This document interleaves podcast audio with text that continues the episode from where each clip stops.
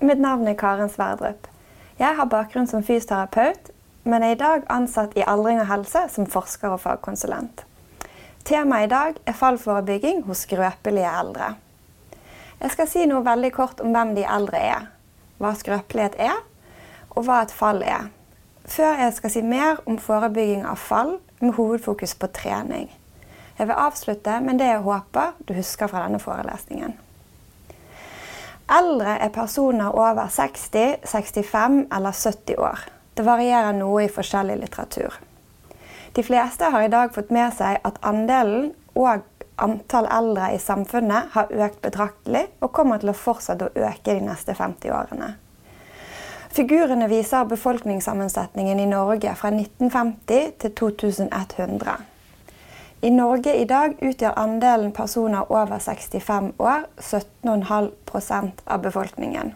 Og det vil øke til nærmere 30% innen 2100. Men eldre er ikke en homogen gruppe, og variasjonen i helsetilstanden hos eldre er stor. Faktisk er det sånn at med økende alder så øker også variasjonen i helse. Det betyr at med høyere alder blir variasjonen mellom de av samme alder større. Eldre av samme kronologiske alder kan også variere fra avhengig til hjelp, veldig sprek og fysisk elite. Så hva er da skrøpelighet, og hva mener vi når vi snakker om skrøpelige eldre?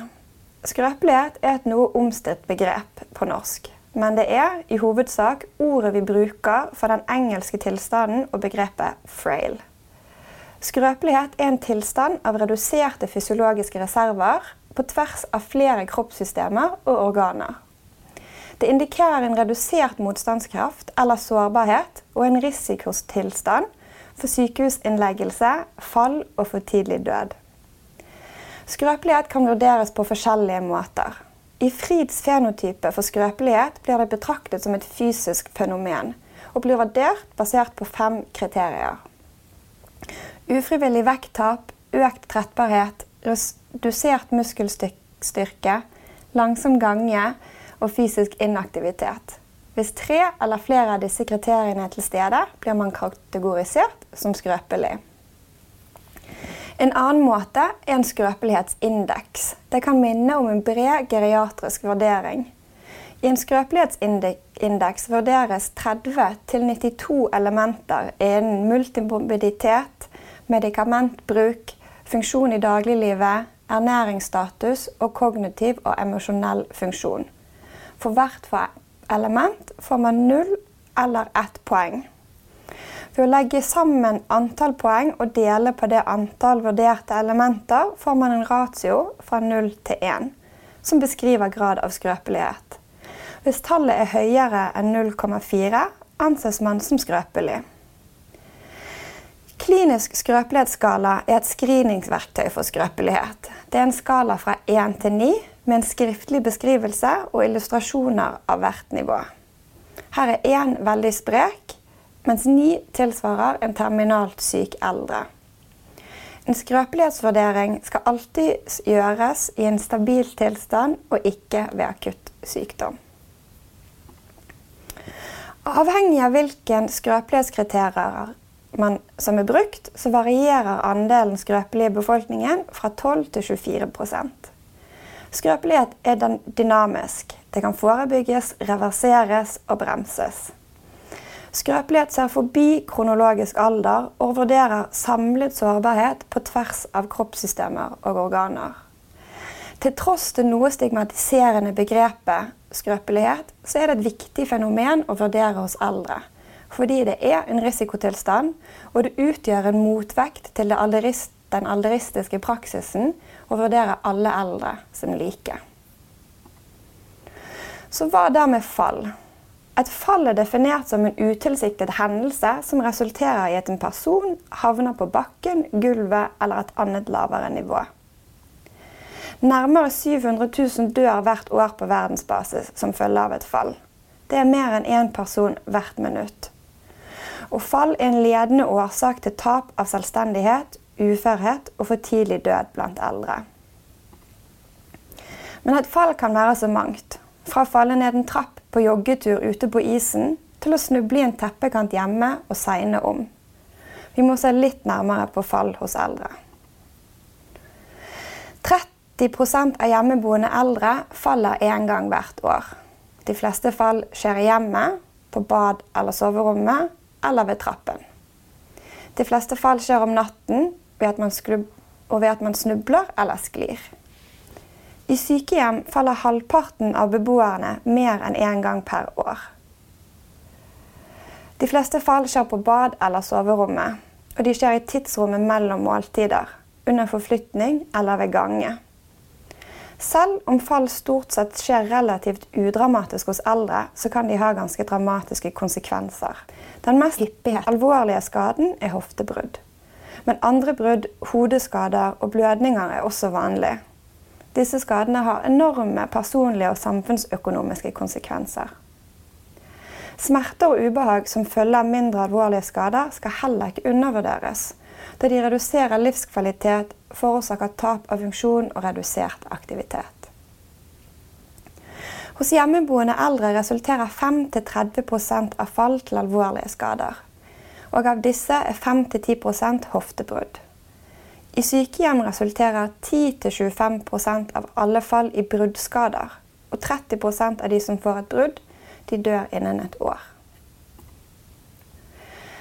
Listen over risikofaktorer for fall er lang.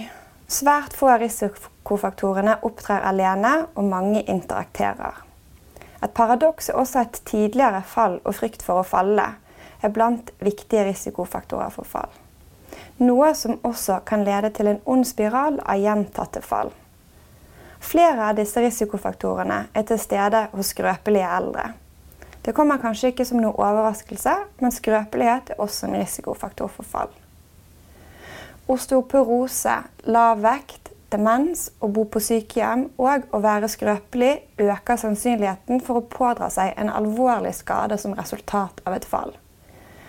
Og å være sykehjemsbeboer, ha demens og skrøpelighet øker også sannsynligheten for varig, varig funksjonsnedsettelse etter et fall. Så endelig til kjernen. Kan vi forebygge fall hos skrøpelige eldre? Men deler ofte forebygging opp i primær, sekundær og tertiær forebygging.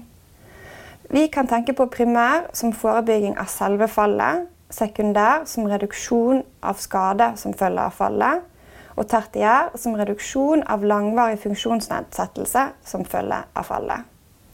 Det er flytende overganger og en del overlapp mellom disse, men jeg vil snakke om primær forebygging. Mange medisinske samfunn og organisasjoner i mange land har laget kliniske retningslinjer for fallforebygging. Noen av retningslinjene er basert på bosituasjon, som hjemmeboende eller beboere på sykehjem. Noen på risikoprofil fra lav, moderat og høy risiko for fall.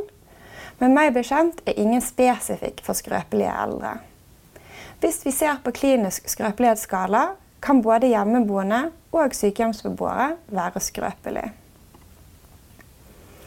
Uavhengig av målgruppe er de fleste retningslinjene enige om at personen i risiko først og fremst må bli identifisert. Ideelt sett vil dette skje i kontakt med helsepersonell. Fra fastlege til de som leverer hjemmetjenester, på dagsenter, sykehus eller på sykehjemmet. Så må helsepersonellet igangsette en multifaktorell risikovurdering. Og basert på hvilke risikofaktorer som blir identifisert, må tiltak settes inn. På tvers av retningslinjer er det enighet om å vurdere polyfarmasi, syn, omgivelsesfaktorer og fysisk funksjon. D-vitaminmangel, fotproblemer og fottøy, kognisjon og mental helse. Jeg skal gå gjennom disse, men jeg er ikke lege, farmasøyt, psykolog eller ergoterapeut. Jeg er fysioterapeut og vil derfor fokusere på fysisk funksjon.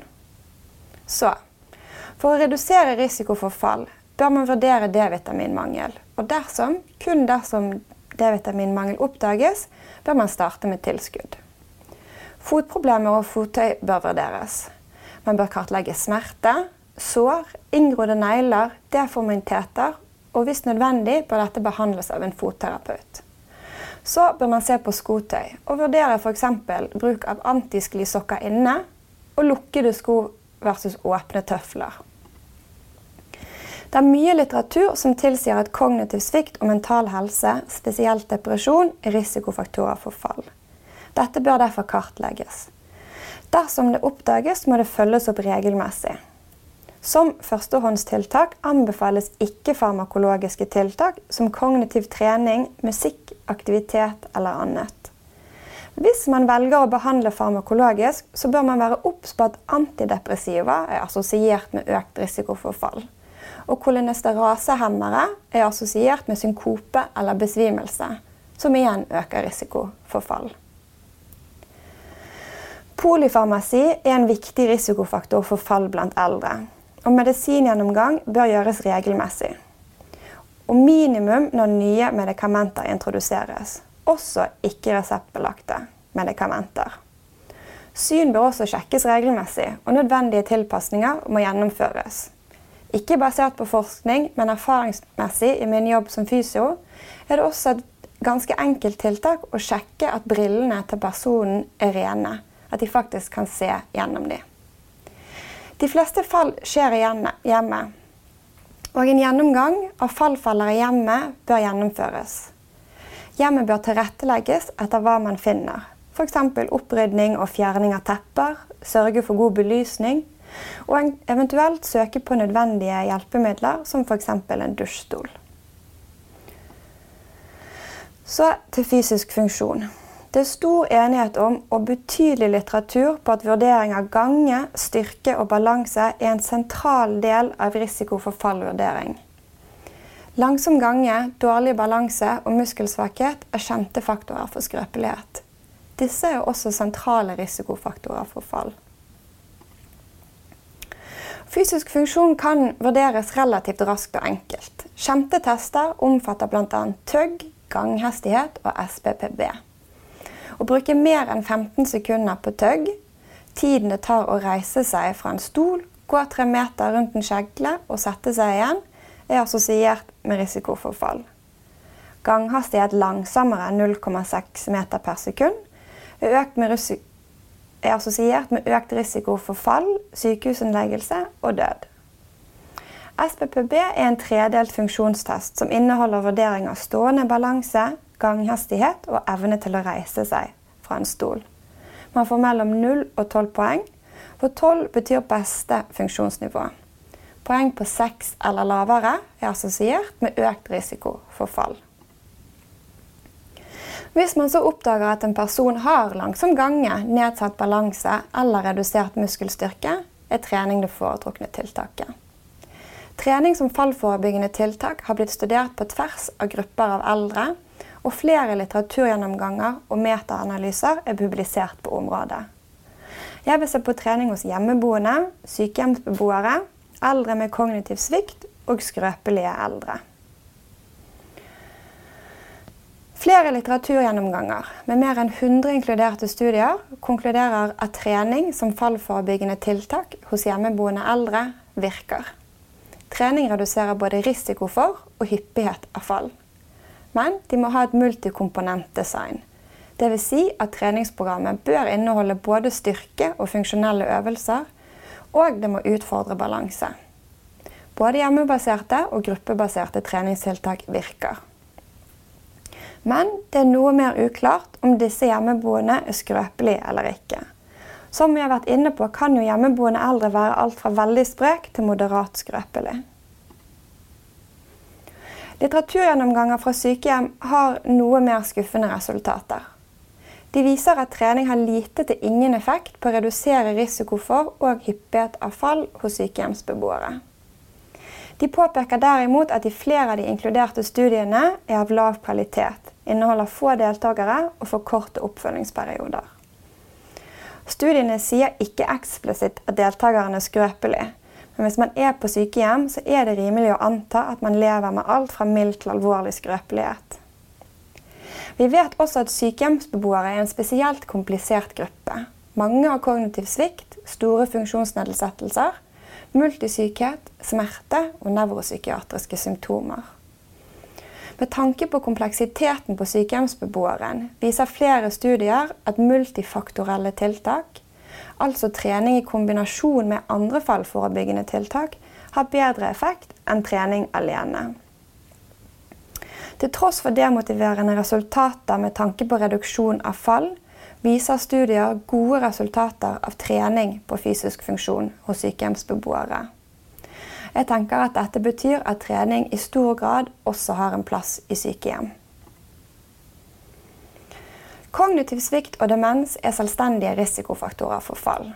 I tillegg har personer med demens redusert fysisk funksjon, spesielt endret gangmønster og redusert balanse. På klinisk skrøpelighetsskala er også mild til alvorlig demens kategorisert som mild til alvorlig skrøpelighet. Et par litteraturgjennomganger, en så ny som i 2021, viser lovende resultater for trening i å forebygge fall blant personer med kognitiv svikt og demens. Men individuelle studier viser noe motstridende resultater. Noen viser redusert risiko, noen redusert hyppighet, mens andre viser ingen effekt. Det er også en mangel på større studier av høy kvalitet, og man vet lite om effekt på tvers av grad av kognitiv svikt og mellom ulike typer demenssykdom. Så langt har vi sett på fallforebyggende treningsstudier hos hjemmeboende eldre, i sykehjem og blant personer med kognitiv svikt. Det finnes også studier som eksplisitt sier at de ser på skrøpelige eldre, definert etter en standardisert skrøpelighetsvurdering og trening som fallforebyggende tiltak i denne gruppen. En litteraturgjennomgang fra 2013 inkluderte ti studier. Syv viste at trening hadde fallforebyggende effekt, men de tre andre viste ingen effekt. I to nyere studier viste den ene forbedret fysisk funksjon, men ikke reduksjon i hyppighet av fall, mens den andre viste reduksjon i hyppighet av fall. Så det ser lovende ut, men det er noe inkonsekvente resultater så kan vi bruke trening som fallforebyggende tiltak blant skrøpelige eldre. I den generelle populasjonen av hjemmeboende med eldre ja, trening virker. I sykehjem har trening alene liten eller ingen effekt på fall. Men i kombinasjon med andre fallforebyggende tiltak viser studier lovende resultater. Hos eldre med kognitiv svikt og demens viser også trening som fallforebyggende tiltak lovende resultater men dette bør underbygges av flere studier. Det samme gjelder også blant eldre som er blitt definert som skrøpelige etter en standardisert skrøpelighetsvurdering. Så for å oppsummere. Eldre er mer enn deres kronologiske alder. Kun 12-24% av alle eldre er skrøpelige. Fall er en ledende årsak til tap av selvstendighet, uførhet og for tidlig død blant eldre. Spesielt blant skrøpelige eldre. Men det er mulig å forebygge fall. Personen i risiko for fall må identifiseres, så må dens risikofaktorer vurderes, og tilpassede tiltak iverksettes. Trening er det enkelttiltaket som har størst fallforebyggende effekt. Det har spesielt god effekt blant hjemmeboende eldre, men også lovende fallforebyggende effekt på sykehjemsbeboere, for personer med kognitiv svikt og demens og for skrøpelige eldre. Med det sier jeg tusen takk for oppmerksomheten.